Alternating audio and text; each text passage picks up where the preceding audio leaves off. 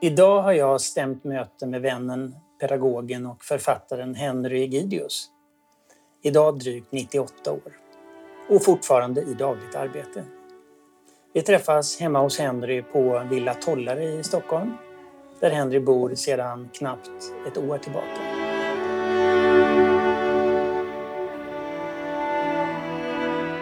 Välkommen till Mina samtal med Stefan Jutterdal.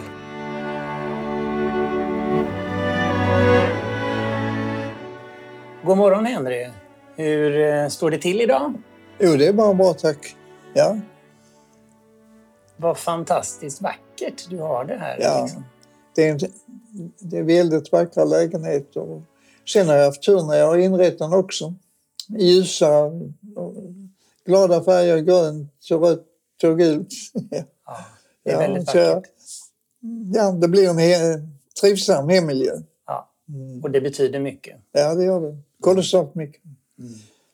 Sen har jag en oerhört vacker utsikt över Lennartstadfjärden bort mot Saltsjöbaden. Tänk att du kunde hamna här. Hur, Ja. hur länge är det sedan du flyttade hit? Förlåt? Hur länge har du bott här? Ja, sedan mitten av augusti. Mm. Eh, Men jag kände ju till eh, huset och lägenheterna genom att min fru flyttade hit tidigare, Anita. Mm. Så jag var bekant med, med hela anläggningen och en stor del av personalen. Och jag fick ju förmånen, Ann-Margret och jag fick ju förmånen att lära känna både dig och Anita Ja, under många år och eh, blev goda vänner. ja, Eh, så att jag förstår att det känns lite tungt nu när Anita är död. ja, det gör det givetvis. Men samtidigt eh, är jag lycklig över att jag fick leva längst. Mm. Så jag kunde ta hand om henne ända till slutet. Du är 98 och Anita Hon var blev 88. 88. Ja. Mm. Så det var ju lite, eh, kanske inte direkt oväntat, men eh, det fanns ju en risk att jag skulle gå bort först genom att jag var tio år äldre. Mm. Så jag påminde Anita om det när vi gifte oss. Innan vi gifte oss så sa hon även om det bara är för ett år så är det värt det. Så fint. Ja, Ja, ni var mästerliga på att ta tillvara era dagar. ja det var det. Det kan man ju verkligen. Vi, eh, vi kom överens om det från början att varje dag ska vi göra något tillsammans. Eh, Så vi, vi åkte ut varje dag, gick en längre promenad. Och, Vi åt lunch i regel på någon restaurang. Och eh, på Nacka strand eller Sickla eller Operahuset eller Berggårdska trädgården.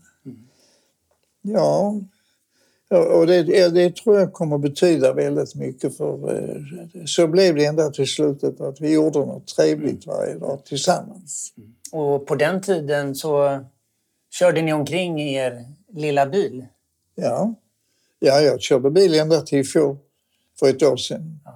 Det var Men 97. Då 97. blev knä, knä, knäna blev för svaga. ja. Men jag, hade en, jag köpte en automatväxlare till slut.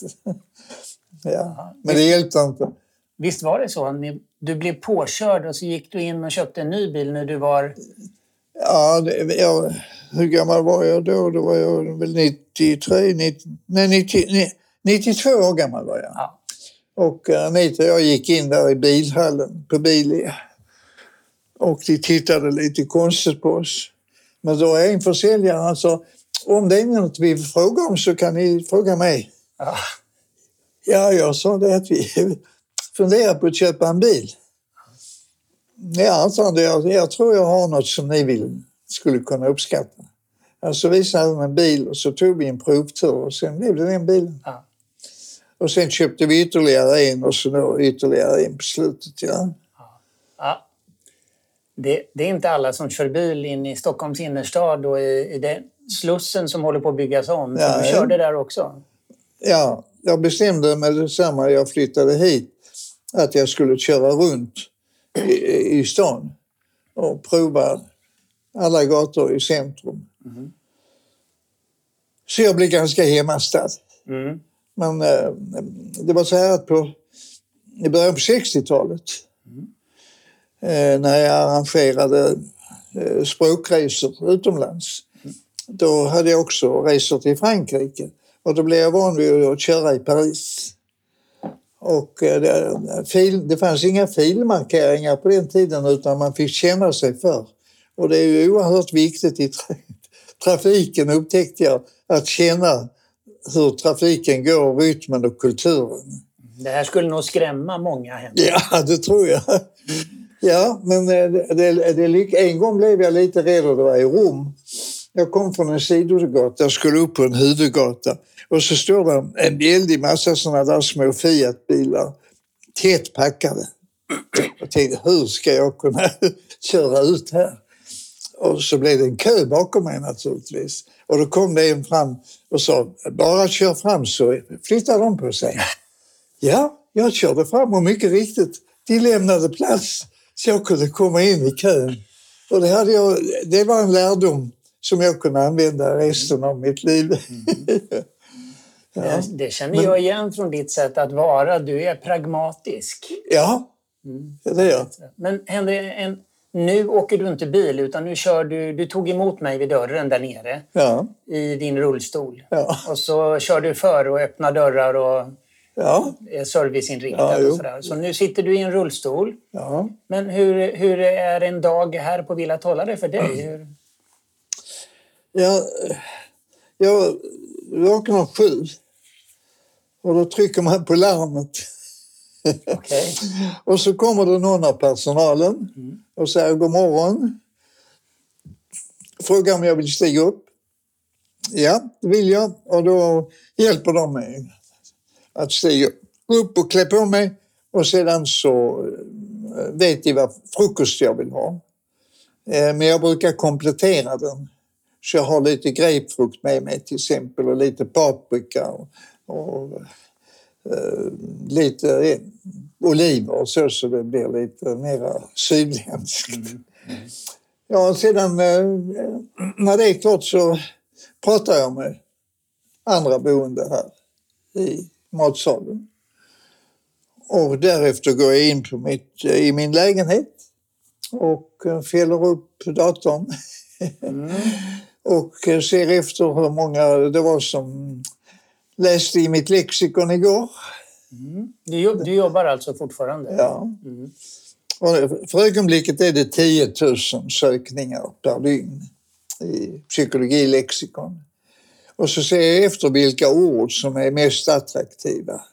Sådana som coping och narrativ och neuros och sånt. Enastående. Vilka, vilka ord ligger överst på listan? Ja, det är femfaktormodellen och, och coping och narrativ. Och machiavellism har legat högt också. Eh, och visospatial. ja, det är några ord som nämligen hamnat som första träff på Google. Okay. Och eh, man är väldigt beroende av hur Google placerar en. Mm. Men inte bara. För jag, jag har eh, höga frekvenser på ord som inte ligger så högt på Google heller utan folk går via lexikon. Mm.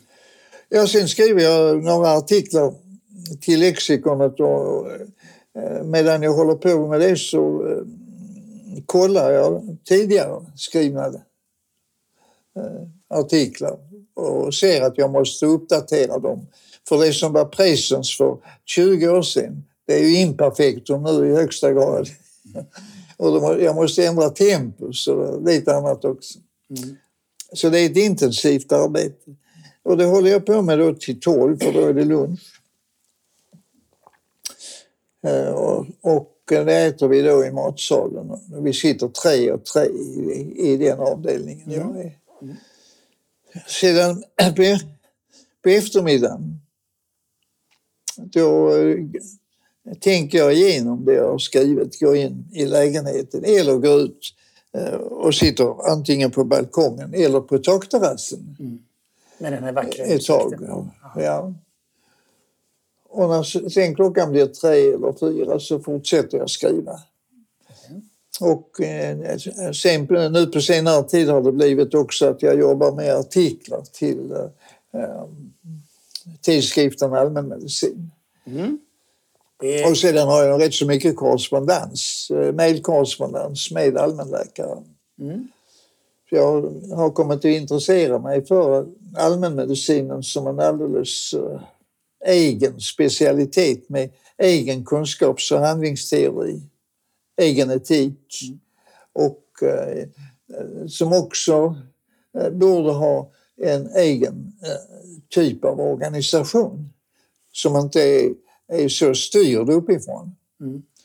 Det, det, är ju, det jag reagerar mot och skrev en artikel om för ett och ett halvt eller två år sedan, det var att man inför en sån konstig eh, namn på eh, kommunernas, regionernas föreskrifter som man kallar det nationellt system för kunskapsstyrning. Mm. Ja, det där det, har du Det borde man, så borde man inte få uttrycka sig i en demokrati.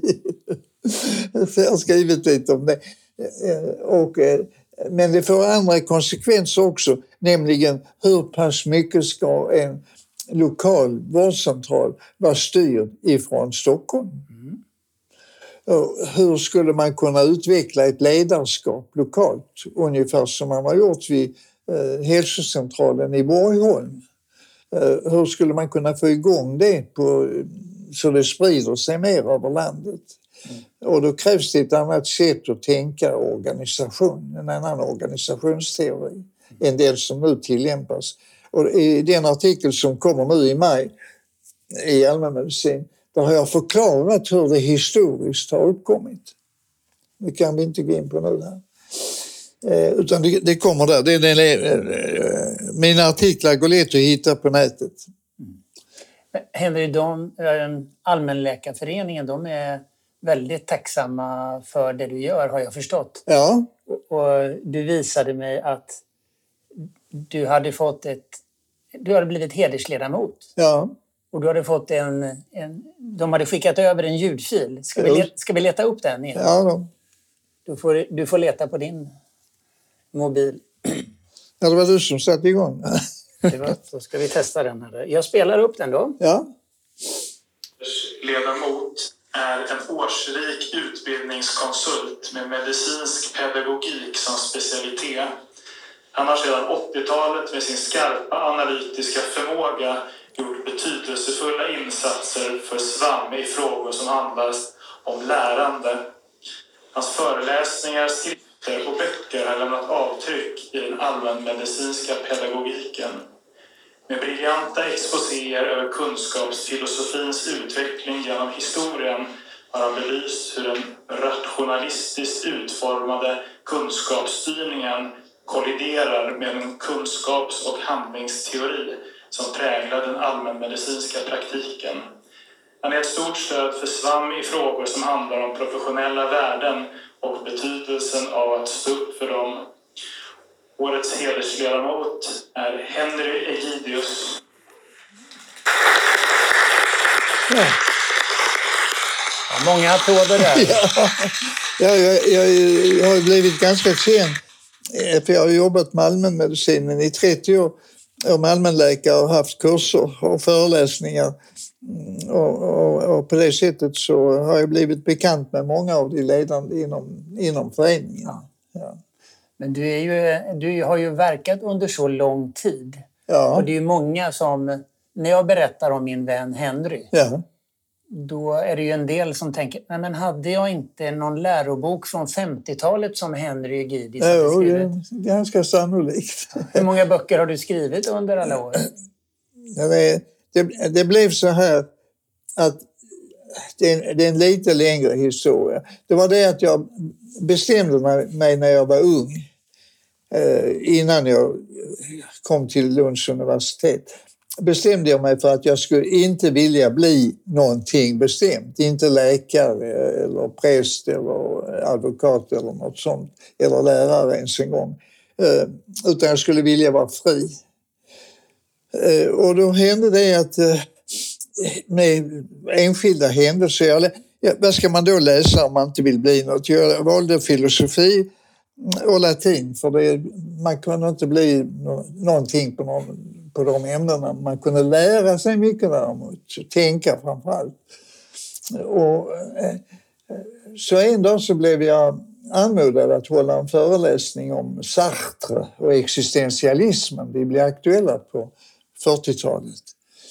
Och efteråt så kommer det då en man fram och säger att han är, är, är chef för kulturredaktionen eh, på tidningen Arbetet och undrar om inte jag ville skriva en artikel om det jag hade berättat om. Jo, det kunde jag väl göra. Det tyckte jag lät spännande. Mm. Och så gjorde jag det. Och så blev det uppskattat och då, då ville han ha fler och fler artiklar och så fick han böcker till mig som jag recenserar och sådär.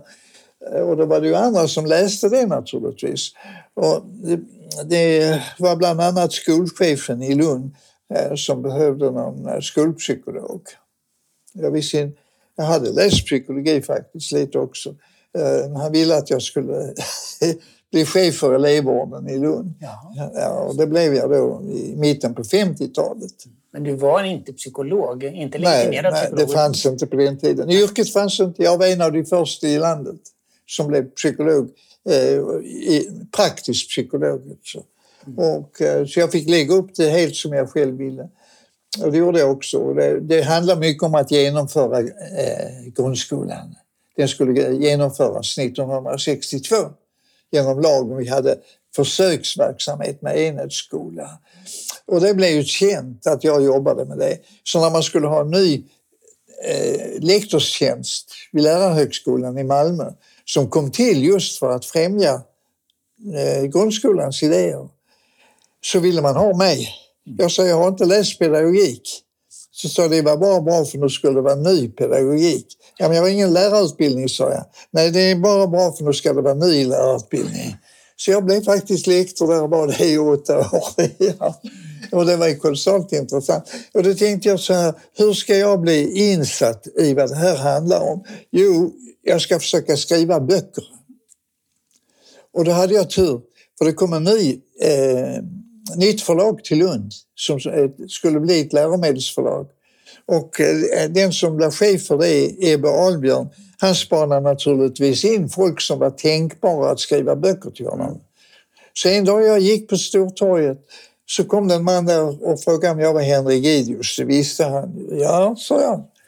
Kunde han få bjuda på lunch? Det var en torsdag. Ärtor och punsch. Ja, på Storkällaren.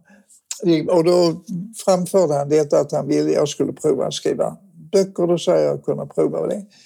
Och han var oerhört energisk så jag fick eh, sluta med andra jobb och, eh, och eh, jag, inte med, jag var kvar på lärarhögskolan men det, det, det var just där jag behövde sätta mig in i nya saker.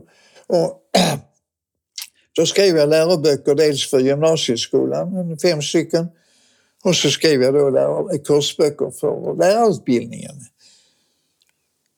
Och det, eh, vi fortsatte vårt samarbete i, i flera år. Eh, väl, eh, 15-20 Så det blev 50 böcker. Men sen kom andra förlag också och ville ha manus. Glerups, studentlitteratur, eh, Norstedts och eh, Natur och kultur. Så det blev totalt 50 böcker och eh, 7-8 lexikon. Eh, för eh, studentlitteratur ville ha lexikon i psykologi, pedagogik, psykiatri, psykoterapi och så vidare. Så det blev en, en fem, sex lexikon och så någon uppslagsbok. Och så 84 så ringer det någon ifrån Natur och kulturchefen där för den vetenskapliga utgivningen och säger att de vill ha en ny nytt lexikon i psykologi. Och det ville gärna att jag skulle svara för det. Mm. Mm. Ja, så blev det det. Och eh, det blev fyra upplagor av det. Eh, det var en bok på tusen sidor.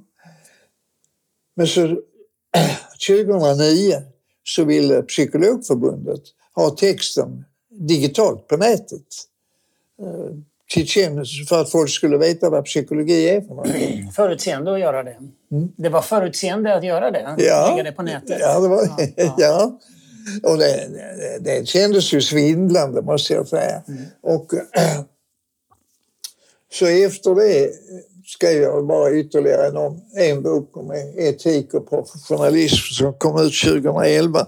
Men från den tiden så har jag då ägnat mig bara åt att skriva eh, nya texter till psykologilexikon och eh, artiklar till tidskriften Allmänmedicin. Och du är hedersledamot i, i Psykologförbundet också? Ja, det blev det 2013. Ja. Men du är fortfarande inte legitimerad psykolog? Nej, Nej. då kan man inte bli hedersledamot. Kan- Nej, eh, nej, jag är inte identifierad som på det sättet utan jag vet inte. Du, du sa till mig tidigare här att jag kan ju egentligen ingenting, men jag är bra på att analysera. Ja, det, det, Det har jag, det, det är tydligen något jag lärde mig när jag läste filosofi och latin. Det- latin är ett sånt språk där man måste verkligen öva sig att analysera meningarna och texten. Men det är ju ganska ovanligt att man är 98 år, Ja, man bor på ett särskilt hem.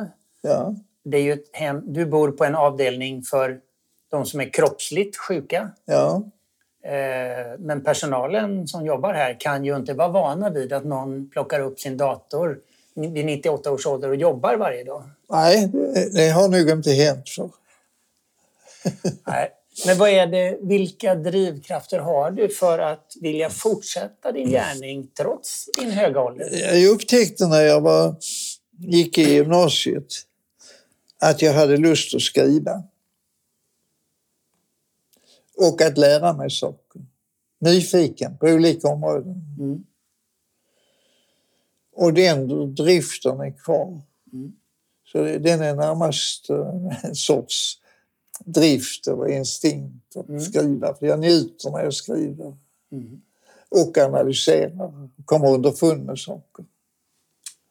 Härligt. Ja, och lära känna nya områden. Jag har haft en kolossal förmån att få bli anlitad på olika områden.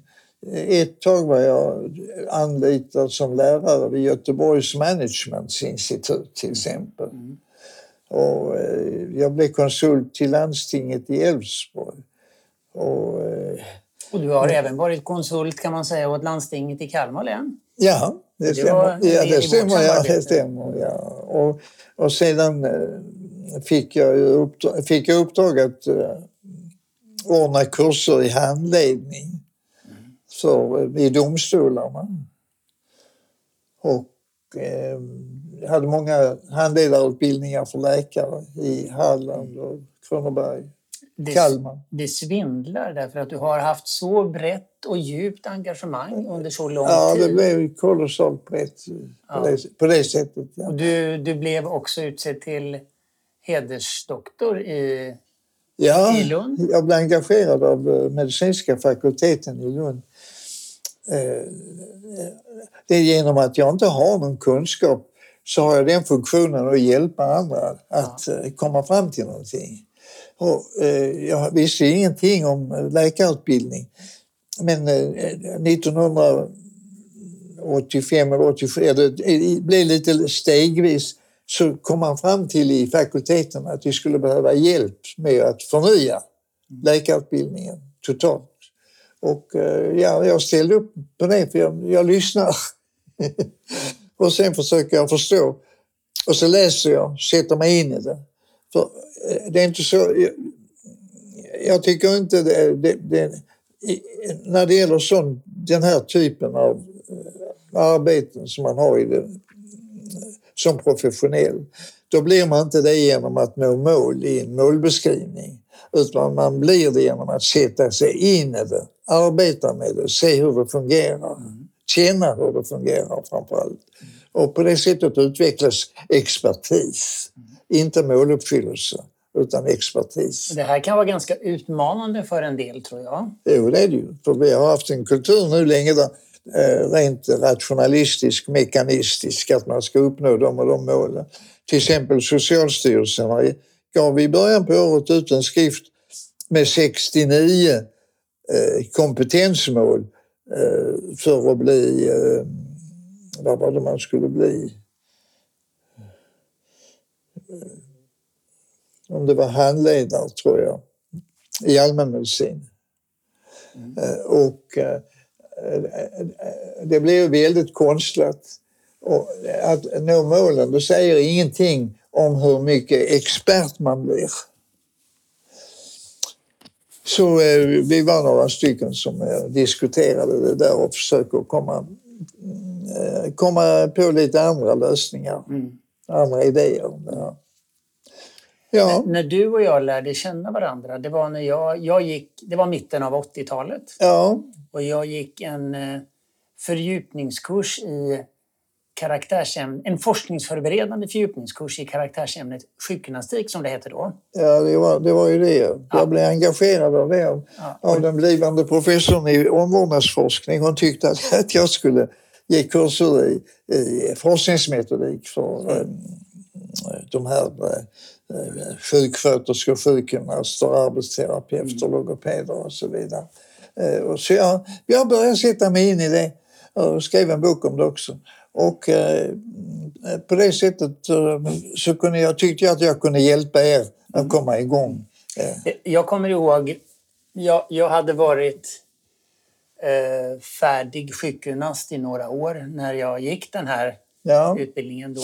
Mm, men det som gjorde väldigt stort intryck på mig det var när du utvecklade ämnet hermeneutik och hermeneutisk forskning. Ja. Som ju var en kontrast till det som jag var skolad i, eller som vi alla var skolade i då. Ja. Och så talar du väldigt eh, entusiastiskt och engagerat om hologram.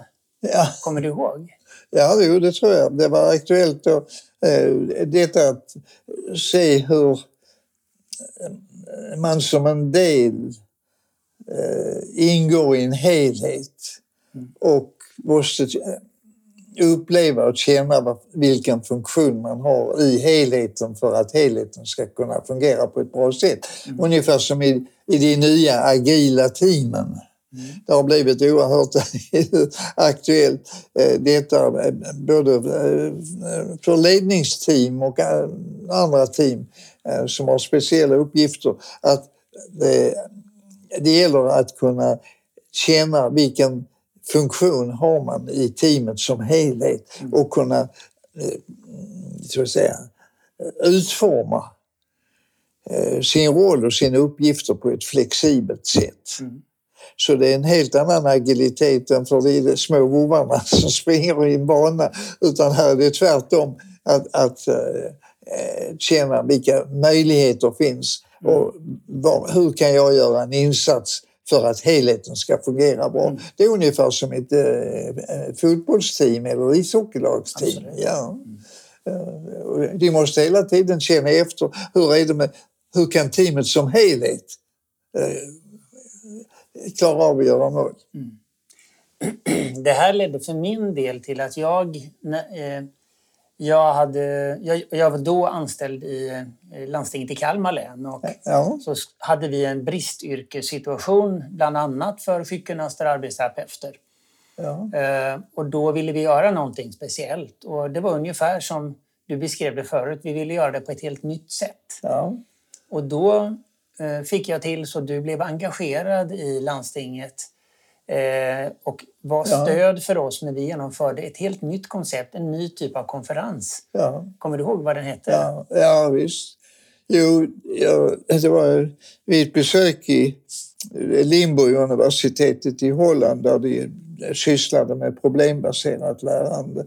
Eh, där var jag med på en konferens om arbetande konferens. Exakt. Alltså att, att det är inte experter som kommer och föreläser utan eh, den som leder konferensen ska försöka att få eh, konferensdeltagarna engagerade gruppvis och som helhet mm. för att arbeta med de problem som är angelägna för dem.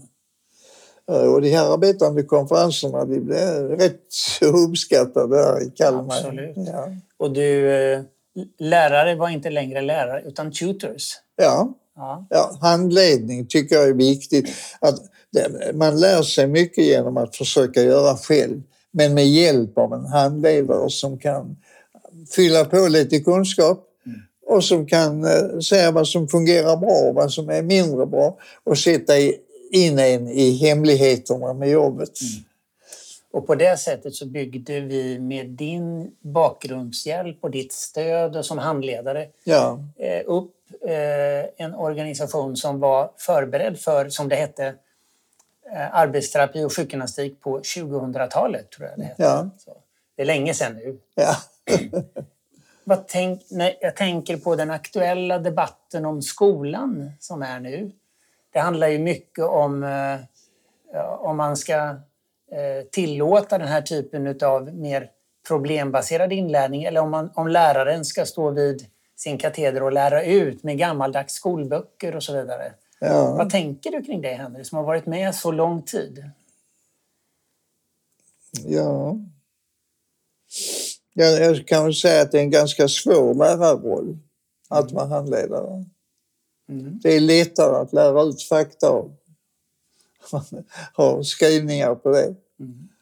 Så eh, jag inser svårigheterna. Mm. Eh, men eh,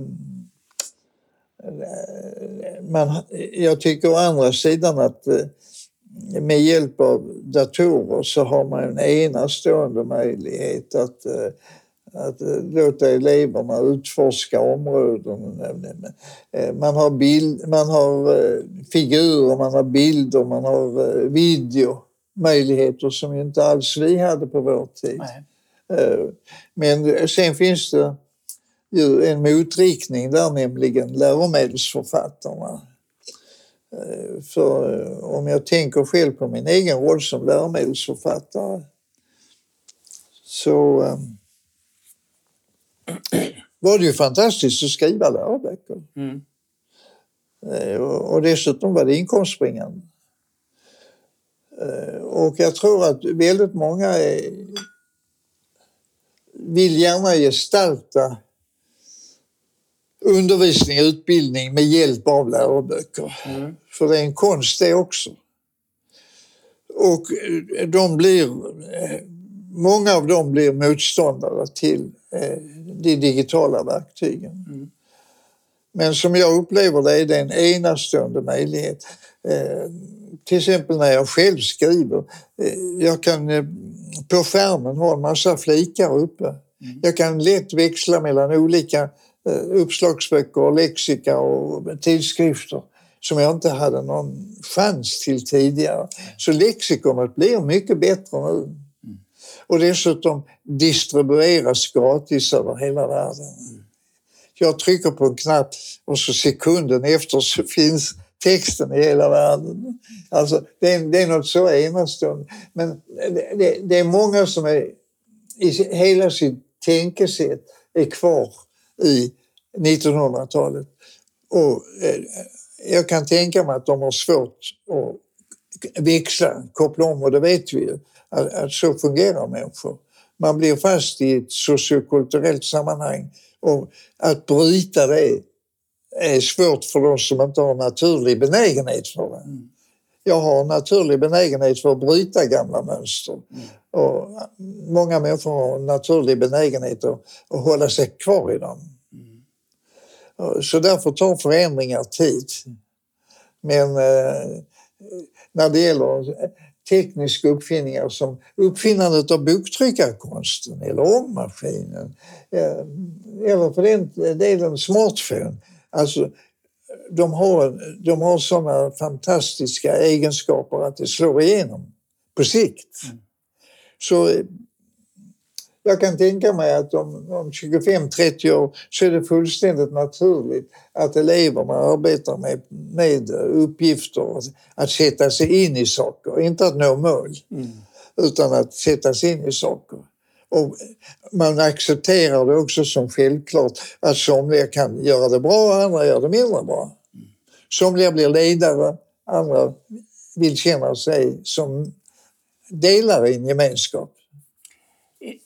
det, det, slumpar sig så att igår var jag på en högtidlig utdelning som jag berättade för dig Ja. på det kungliga slottet.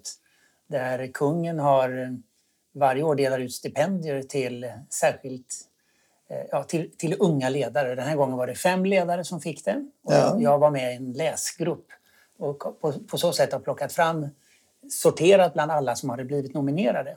Ja. Eh, och en av dem som fick det här priset, eh, han jobbar just med... Eh, ja, han, är, han är drygt 20 år och du är 98 år. Men hans, nomineringen som han fick, han heter Rasmus, han heter Rasmus Häggqvist. Ja. Han, säger, han tilldelas stipendiet för att han med handlingskraft och genom innovativa metoder når ut med budskapet om och verktygen för att alla ska kunna lyckas i skolan. Ja. Han kallar sig för digital ja, just det. Jag tycker ni lik, det finns Ja. likheter mellan dig och honom här. Det var också min strävan att alla ska lyckas efter sin förmåga. Och därför blir det så fel när man har absoluta krav för godkännande. Mm. För det är från början satta så att en del ska bli utslagna. Mm. Och det, är, det är väldigt omänskligt. Och det den politik som bedrivs då eh, mellan, från mitten av 00-talet och fortfarande bedrivs faktiskt. Den går väldigt mycket ut på utslagning. Och man ser stort värde i att, med denna utslagning. Eh, Därför att eh, man menar att eh, det sporrar en del att bli bättre än det annars skulle ha blivit. Men eh, jag tror inte på det. Jag tror mer på ett omhändertagande ledarskap och lärarskap. Den, Rasmus här i sin, sin förklaring till sitt, när han tar emot priset, Ja, då säger han eh, Vi måste fortsätta lära oss hela livet. Därmed vill jag inte bara påverka skolvärlden men även intresset för det livslånga lärandet vi alla borde sträva efter. ja, det är ju sant. Ja, det, var, det var ett märkligt sammanträffande att jag lyssnade på det här dagen innan. Så. Så var det när man skulle införa den nya läkarutbildningen, eh, specialistutbildningen eh, i början på 90-talet. Att eh, förslaget var att de fem åren som kallas specialistutbildning, det skulle vara en början på det livslånga lärandet. Mm. Handledarna skulle få igång eh, läkarna eh, som gick specialistutbildning att börja och engagera sig själva i sin egen kunskapsutveckling och i professionella utveckling. Men det passade inte det system vi hade. För hur skulle Socialstyrelsen då kunna kontrollera det? Då, då blir det ju inga eh, riktlinjer eller normer eller föreskrifter utan då utvecklas var och en efter vad som krävs i jobbet av en professionell. Så Socialstyrelsen satte sig, eh, den avdelningen som hade hand om detta, de började bekämpa det direkt och de segrade. Så att nu är det, nu är det en uh, utbildning som är uh, föreskriftsreglerad och kursbaserad. Så man har de här olika synsätten, olika alternativen. Och, eh, jag kan tänka mig att, att vår tid med stora förändringar kommer på nytt att ge en övervikt för detta att, att vara innovativ och att eh, utveckla sin egen professionalitet maximalt. Alltså, en hel del av dina tankar tror jag skulle... Det, det rör ju om, för det handlar om hela tänkesättet. Ja, Eh, det gör ju det. Du, men du, du har aldrig själv valt att disputera? Eller du har inte Nej, det vill jag absolut inte. Varför det? Nej, jag vill inte komma in i något sånt som binder mig. Utan då, eh, om man ska disputera måste man följa föreskrifter. Ja. Så eh, i en artikel, eh, så jag skrev för allmänmedicin, det första, så ville de veta vad de skulle sätta för titel på mig. Jag sa skriv fri intellektuell. Så det är det jag vill ha. Jag vill ha min, min frihet. Hur blev det så? Vad är anledningen? Ja, det blev så genom att jag i gymnasiet började intressera mig för filosofi. Och jag... För presentpengar och sånt så köpte jag de filosofiska mästerverken till exempel. Och lite andra böcker av stora filosofer. Och eh, där kände jag det, det, vikten av att kunna tänka fritt. Mm. och vara oberoende, självständig. Och det, eh, det, är, det är svårt att förklara i så här kort intervju, men jag vet att det blev avgörande för mig. Mm. Mm. Det har präglat dig? Ja. Det blev, så, det blev en stor upplevelse under just de åren 16 eh, till 19 år gammal var jag då. Jag gick fyra år i fyraårigt gymnasium i Malmö, latinskolan. Du är född och uppvuxen i Skåne? Ja, jag är född och uppvuxen i Malmö. Ja, ja på Söder. ja, mina föräldrar var, levde under knappa omständigheter, men de lät mig studera. Eh, det, det första som inträffade var när jag var tio år gammal så var det en lärare på skolan som eh, övertalade min mor att låta mig söka in i läroverk. Mm. Det var annars fullständigt otänkbart i den samhällsklassen. Vi hade mycket hårdare. På den tiden fanns det mycket bestämda gränser mellan samhällsklasserna. Mm. Och, eh, ja, sen, av hundra sökande var vi sju från folkskolan som kom in. Mm. Och sen eh, när jag satt studenten, eller skulle ta studenten 1944, eh, då hade regeringen upptäckt att man behövde fler människor som utbildade sig. Och då fick man bekväma sig att ta även ifrån de lägre klasserna, eh, underklassen som det kallades. Eh, så att man instiftade stipendier. Man fick tre års kost och logi vid universitetet. Ja, eh, så var det någon som övertalade mig eller mina föräldrar att skicka in en sån ansökan. Och på det sättet så hamnade jag plötsligt vid Lunds universitet ja, utan att ha någon eh, önskan om att bli någonting. Och det var då jag valde eh, filosofi och latin. Och sen kom det sig att du har du har varit yrkesverksam inom så många olika... Ja, jag har varit helt fri. Det är någon som har varit, eh, tyckt att de vill eh, använda mig. Ja, så jag, det kan jag prova. Så det har, det har blivit på väldigt många områden. Du är 98 år. Ja. Det är en hög ålder. Ja, det är ju det. Det är, det är ett litet fåtal karlar, eh, lite fler kvinnor som blir så gamla. Och eh, vid Lunds universitet har man fem profilområden när det gäller forskning. Ett av dem gäller superåldringarna. Ja. Och det är vi som eh, blir så gamla och är friska och aktiva. Mm. Och det, man vet inte vad det beror på. Mm. Men den dagen som du inte orkar arbeta mer, hur, hur, vill du då att, hur skulle du vilja att ditt arbete tas, ja, tas vidare? Ja, det, vet jag inte riktigt. Jag tycker om att umgås med folk. Det, mm. det finns ju en hel del som vill prata med en. Mm. Och, eh, jag menar ditt, ditt, eh, ditt, ditt livsverk och bland annat det här psykologlexikonet. Hur vill du att det ska kunna arbeta? Ja, det vet, nej, det får ju andra ta hand om. För tiderna förändras och förutsättningarna ändras, behoven förändras. Det, Eh, nu råkar det vara så att jag har jobbat på alla psykologins områden. Eh, så jag har speciella förutsättningar att vara ensam om ett sånt här lexikon. Mm. Så eh, om de har råd till det och vill fortsätta med det så får de ha ett antal specialister mm. som skriver. Då får Henry ersättas av rätt många personer. Ja, eller man har en redaktör som anlitar specialister. Mm. Mm. Uh, och det, så går det ju till med Wikipedia till exempel. Mm. Uh, och uh, Wikipedia och likaså Wiktionary eh, språklexikonet. Mm. Det är ju enastående eh, produkter. Det är fantastiskt.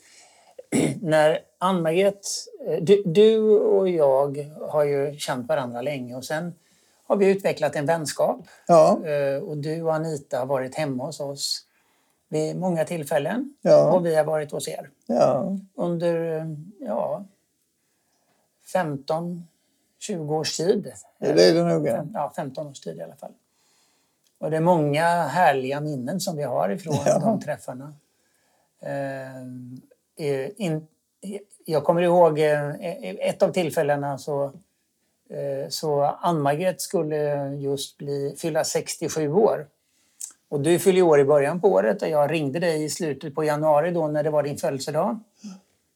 Tror att eh, om, det, om det är fyra år sedan så, så var du, då var du 94. Jaha. Ja. Och jag vet inte om du kommer ihåg vad du sa, men eh, jag, då frågade hur vi hade det och då sa jag att jo, men det, vi, har, vi har börjat att ställa om nu för att Ann-Margret får inte arbeta längre nu. Hon får inte vara anställd längre än till 67 år. Vet du vad du sa då? Nej. Nej, du sa det är ju löjligt. Ja, Hon har ju 25 år kvar att arbeta. ja. ja, visst. Ja, nej, det är löjligt. Sen det är många som... Man skulle ha mycket mer flexibel Ja, för det gäller ju inte för alla. avslutning av arbetslivet. Ja. Och eh, man skulle kunna trappa ner, man skulle kunna eh, få ett lite annat jobb. Man har en erfarenhet man kan använda på något annat ställe. Ja. Och eh, med lagom mycket. Eh, för det, det där med det, just med den sociala samvaron och att göra något man tycker är meningsfullt.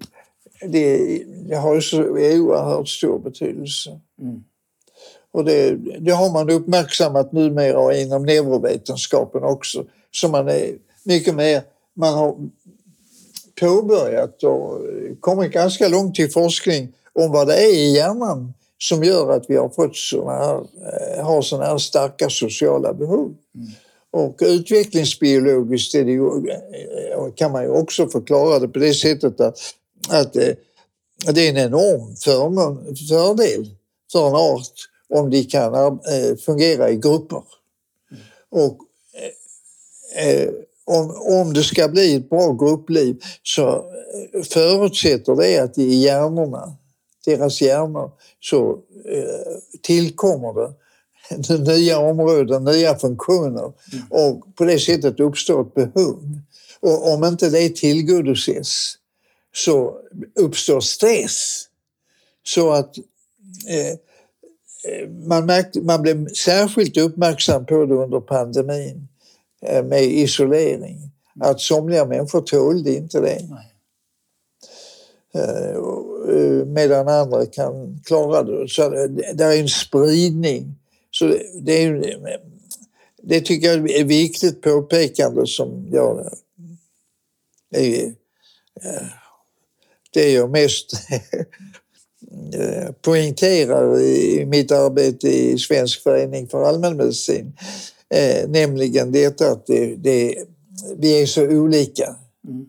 Medan Platon Aristoteles, filosoferna eh, under antiken, de har fortfarande stort inflytande över, över myndighetspersonerna i Sverige. För det, de har den här filosofin att föreskrifter ska gälla alla. Eh, Och eh, till exempel Sveriges kommuner och regioner, de har gjort eh, föredömliga eh, beskrivningar av vårdförlopp. Eh, Där man, eh, läkarna direkt kan se hur algoritmiskt, alltså steg för steg, hur man ska göra vid viss diagnos. Det är bara det att det för, och så gör de dessa föreskrifter till en sorts prototyper. Och de beskrivs inte som beskrivningar eller förslag utan de beskrivs som det verkliga vårdförloppet. Medan de förlopp som sker ute i, sjukhusen det är mer eller mindre dåliga kopior. Och det är precis Aristoteles och Platon. Inte hela Aristoteles, men Aristoteles eh, teori om hur eh, saker och ting formas av ett eh, världsförnuft. Ja, vid våra träffar hemma i, i Småland hos oss, då har du många gånger berättat om Aristoteles och Platons inverkan. Och, ja. Anita, hon satt, hon lyssnade. Anita var väldigt god lyssnare. ja, Jo, det var han. Och vi lyssnade förstås intresserat och sa, men du, eh, du har ju verkligen en, en, eh, en eh, fallenhet och, och eh, engagemang för att analysera och det går igenom nästan allt det du gör. Ja. Men jag tänker på, eh, för Ann-Margret och mig så har vi ju eh, fått lära känna dig och Anita och ni har ju blivit ett slags föredömen för oss för att ni på ett så fint sätt tar tillvara livet Mm, medan det ja. fortsätter. Ja. Även när man kommer upp i hög ålder. ja. Eh, Verkligen. Och det vill jag ju tacka dig särskilt för. för tack. Ja. det betyder mycket. Ja. Eh, Jo. Du hade ju säkert även där någon slags tanke. Ja, det var det. Tanken var det att, att eh, om, ett, om kärleken och förälskelsen ska hålla i sig så kan det vara eh, ett sätt att göra något trevligt tillsammans varje dag. Jo, det gjorde vi. Och, eh, ja, sen blev det också mycket resor. Mm. Och Anita hade inte, var inte van vid att åka runt med bil och besöka saker och ting, men det var ju jag. Eh, Och sedan eh, så kom hon på då att hon ville bo lite längre på vårarna utomlands. Och då provade vi olika alternativ i, i fantasin och kom fram till att vi, vi skulle nog prova att, bo i Algarve.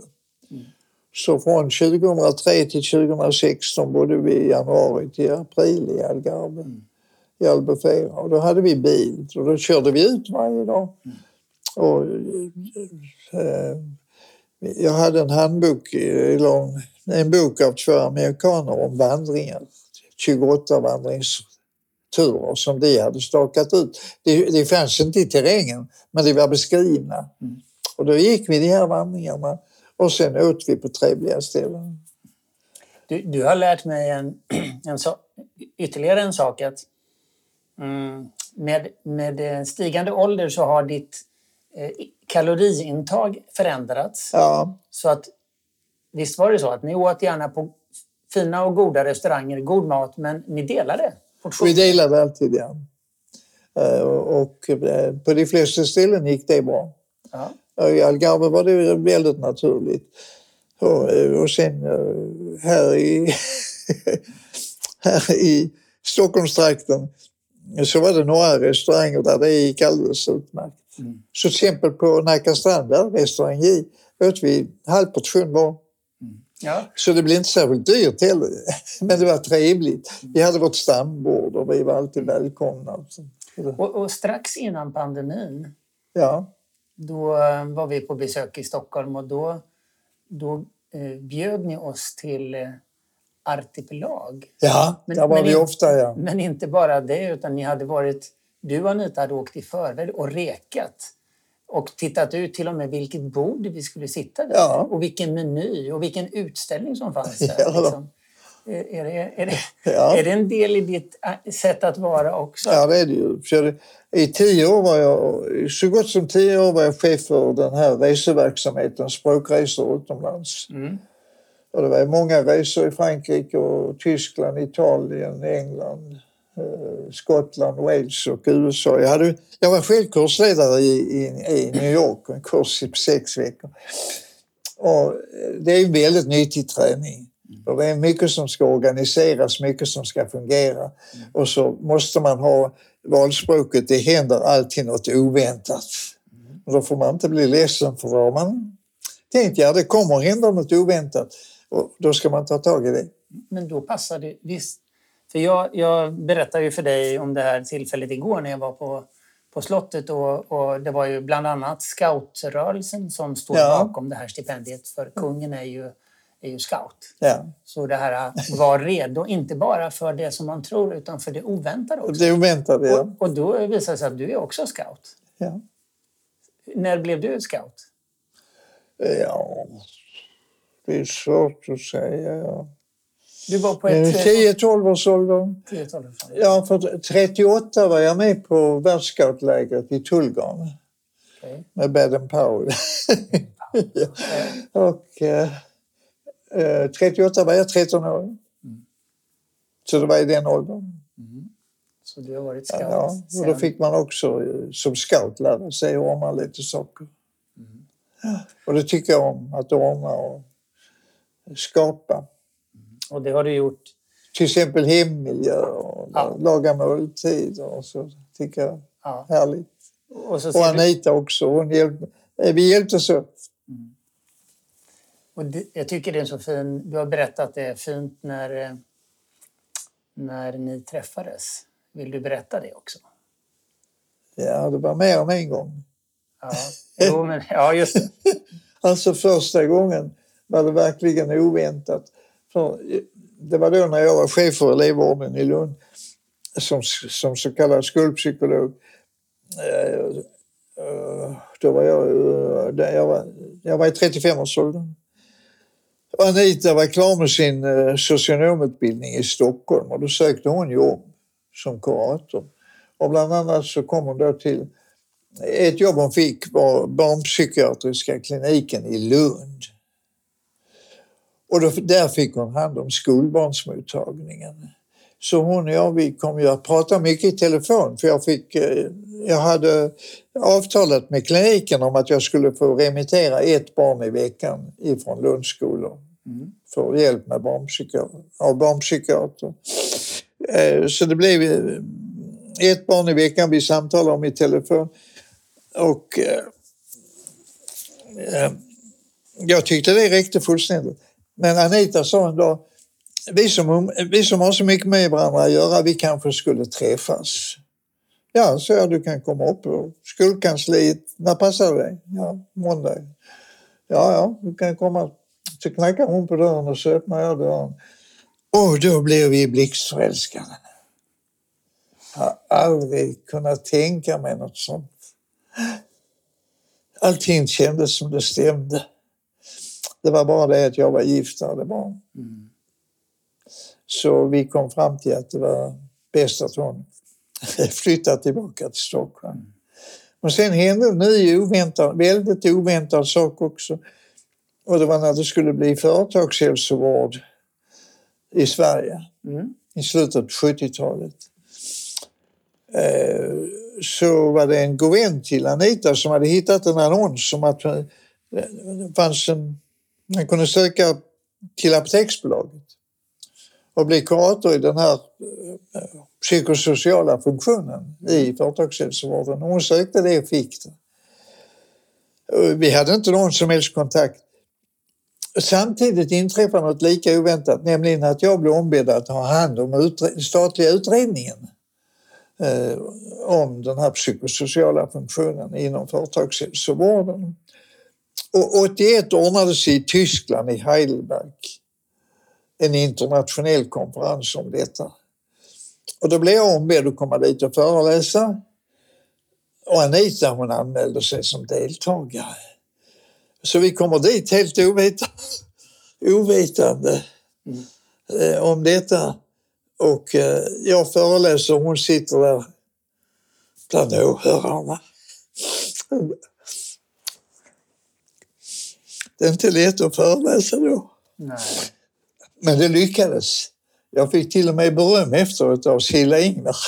Okej. Ja, som också var med på konferensen för hon var, hon var gift med en annan föreläsare.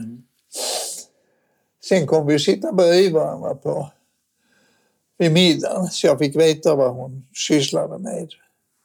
Men jag var fortfarande gift så att eh, vi bestämde att vi inte skulle bli något. Mm. Och, men så 95 så dog min fru på våren. Och jag hade ingen tanke, jag var 90, 70 år gammal, jag hade ingen tanke på att gifta om mig.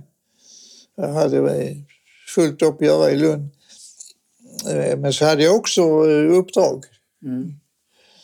bland annat i landstinget i Älvsborg. Så en dag så var jag där på torsdagen och så skulle jag dit igen på måndag och så tänkte jag kan åka till Stockholm och hälsa på gamla bekanta. Och så bodde jag hos en god vän uppe på Östermalm. Och när jag då gick på morgonen på fredagen gick ner mot stan så kom jag genom Humlegården och förbi Humlegårdsgatan. Och då kom jag att tänka på Anita. Hon var ju där på Apoteksbolaget och det visste jag det var där i Humlegårdsgatan. Så jag gick dit men det var, jag hade flyttat. Men i alla fall så hittade jag adressen i en telefonkatalog för det fanns telefonhytter på den tiden. Och det var då Klara Östra kyrkogata. Så jag ilade dit. Och eh, klockan hann bli tolv. Jag gick upp där på Apoteksbolaget på andra våningen. Nej, hon var inte där. För hon var nere på Apotekshälsan. Men det var bara på ner på hörnet så jag stack ner där. Och då var det två sköterskor som öppnade. Nej, hon hade gått till lunch. Och tänkte jag, det är inte meningen. Men Jag frågade om jag kunde komma tillbaka. Ja, det kunde jag på eftermiddagen. Och det gjorde jag vid tretiden. Och då hade de berättat. Och det hade Anita gissat. Ja, det var det. Så vi blev väldigt lyckliga. Och sen, Båda två, men Anita ville ju vara försiktig för hon hade varit gift i tre år. mm, Eh, Och det hade ju blivit misslyckat. Hon var hade skilt sig. Eh, Så hon eh, ville känna efter ordentligt. Mm. Så vi umgicks under våren och sen som sagt, som jag berättat tidigare, så i juni skulle vi göra en sex veckors bilresa i Frankrike en provresa. och England. Så hon skulle det var att leva med mig varje dag. Ja. Men eh, vi hann bara till Paris. Så en eftermiddag så sa hon, Henry, jag har bestämt mig. Och det, det var ju så vackert i Paris i juni. Och jag kunde visa henne så mycket. Vilken fantastisk kärlek. Sen gifte vi oss efter ett år. Mm. Ja, jag flyttade, först flyttade vi ihop, så jag, eftersom jag inte var bunden lokalt. Men Anita hade jobb på fem år kvar där på Apoteksbolaget så bestämde vi att jag skulle flytta till Stockholm. Så vi flyttade ihop. Det, det blev ju det blev en väldigt härlig förändring för mig som 70-åring att få komma i en helt ny miljö och lära känna detta fantastiska område. Och sen hade ni många fantastiska år tillsammans. Ja, vi fick det 25 år. Mm. Ja, helt underbart. Så från 2010 bodde vi eh, på höstarna i Antibes på Rivieran fem veckor. Och det var också väldigt inspirerande. Det var så här att när jag var ung så läste jag om Herbert Tingsten, han var chefredaktör på DN, att han eh, tillbringade sin pensionärsålder på Rivieran. Tänkte jag, det låter tjusigt. Och nu fick jag själv tillfälle till detta. Så vi, vi hittade en jättefin lägenhet i Antibes på sjunde våningen eh, nere vid eh, precis Kapitän Tibber där Evert, där Taube-familjen har sin, sitt hus. Och, eh, det, var, det tog bara sex minuter att åka bort till badstranden i Jean Le Pin. Ja, det är en fantastisk badstrand. Och där hittade vi en, en restaurang som heter Jazz ute på stranden. Sandstranden. Man kunde gå ut och bada och sen äta lunch. Och vi åt fisk varje dag eller skaldjur. Och när de såg oss komma så var det alltid en, en i personalen som stack ut och satte en halv liter vin på vårt bord. och eh, vi tänkte inte på det så mycket naturligtvis men eh, vi är vana att låta människor bli sedda av oss. Eh, så det, det tänkte vi inte heller speciellt på. Men sista dagen, den 20 november, eh, jättefint väder, så blev vi lite försenade. Mm. Eh, Men när- vi tänkte vi, får nog ingen plats idag. Mycket riktigt, det stod massor med folk och ville ha i bord. Men vårt bord var ledigt. Och så låg det en liten lapp om reservation till våra käraste gäster. Ja, så fint. Ja. Det kändes konstigt. Ja. Men jag tror att ni, ni var och har varit så generösa mot andra med att visa uppmärksamhet och, Ja, och så vidare. Så att jag, jag är inte förvånad. Jag vet ju att jag har varit vid något sånt här bord och det är ett stambord och då kommer liksom hela uppställningen därför att de ser ju din generositet och er generositet och då ge- ger man ju det tillbaka. Du, du kanske har använt dig av det här sättet som du gjorde i Paris när du lärde dig att köra bil, det här pragmatiska, ja, jo. Att känna dig för. Ja, det är absolut. Alltså, eh, när man är chef för en sån verksamhet så är man ju helt i händerna på andra. Man ska träffa myndighetspersoner, man ska hitta lärare eh, och man ska hitta någon som kan eh, avtala med familjer och så vidare. Och då, då måste man verkligen ha en personlig kontakt, skapa personliga relationer. Henry, det är dags att avrunda Ja. intervjun och det känns, jag vill bara säga stort tack för att du har delat med dig så Ja, det var alltid trevligt att prata med dig och Ann-Marie. Ja, och det, Det vet du. ja, det vet jag och det är ömsesidigt. Ja. Verkligen. Sådär. Och, eh, ja, Ja, det- tack för att det- du ville vara med i mina samtal. Och tack för kaffet. Ja, tackar. Jag tackar för besöket. Det var helt underbart.